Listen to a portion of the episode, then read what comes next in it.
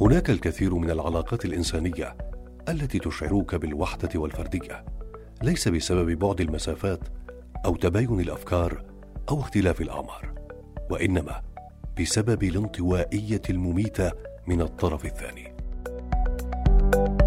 فهو يبحث عن العزلة الدائمة والهدوء يكره وجوده في التجمعات الكبيرة.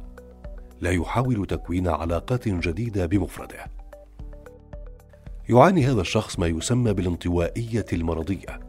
إذا كنت على علاقة مع هذا الشخص فقد تواجه صعوبات في فهمه وفهم تفضيلاته خاصة إذا كنت منفتحا واجتماعيا. بيرسونا نبحث في اغوار النفس لنعيد اكتشاف من حولنا برؤية مختلفة. في الموسم الجديد من بيرسونا. سنفهم كيف تؤثر هذه العلاقات في صحتنا النفسية والجسدية. ونبحر في أنواع شخصيات كثيرة تنهك أرواحنا لنعرف كيف نحمي أنفسنا من خطرها. الانطوائية المرضية. حالة شائعة جدا في مختلف المراحل العمرية. فقد تكون طبعا منذ الولادة وقد تكتسب خلال الحياة اليومية. نحن هنا لا نتحدث عن الشخص الخجول. فعلى الرغم من أن بعض الانطوائيين قد يكونون خجولين فإن الخجل ليس سمة مميزة للشخص الانطوائي. الانطوائي لا يستمتع بالعلاقات الاجتماعية مع أحد. لا يظهر مشاعره للناس ولا يبين تأثره العاطفي بمن حوله. وهذا ما يوحي لك أنه شخص غير موجود في حياتك. إذا دخلت في علاقة معه ستجده يفضل الكتابة والرسائل النصية أكثر من أشكال التحدث الأخرى. كما أنه في الأغلب لا يبادرك أطراف الحديث ولا يبدأ الكلام فقط يجاوبك بقدر ما تسأل ما يشعرك بالملل والسلبية في هذه العلاقة.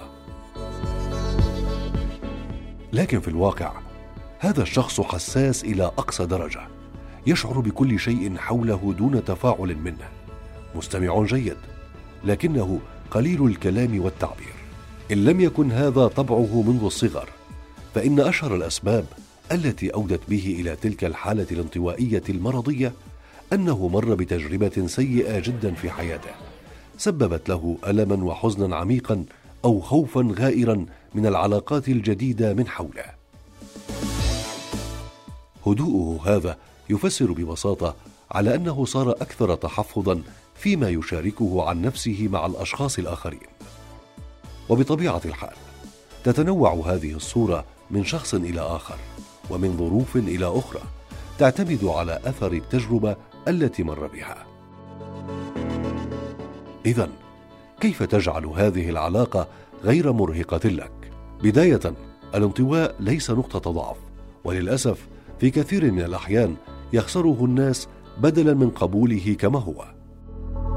هذه العلاقة لن تكون مرهقة إذا تفهمت متطلبات هذا الشخص ومنحته المساحة الكافية للاطمئنان وابتعدت عن الضغط ليصبح شخصا آخر أو ليجرب أشياء جديدة أو يتعرف على أشخاص جدد.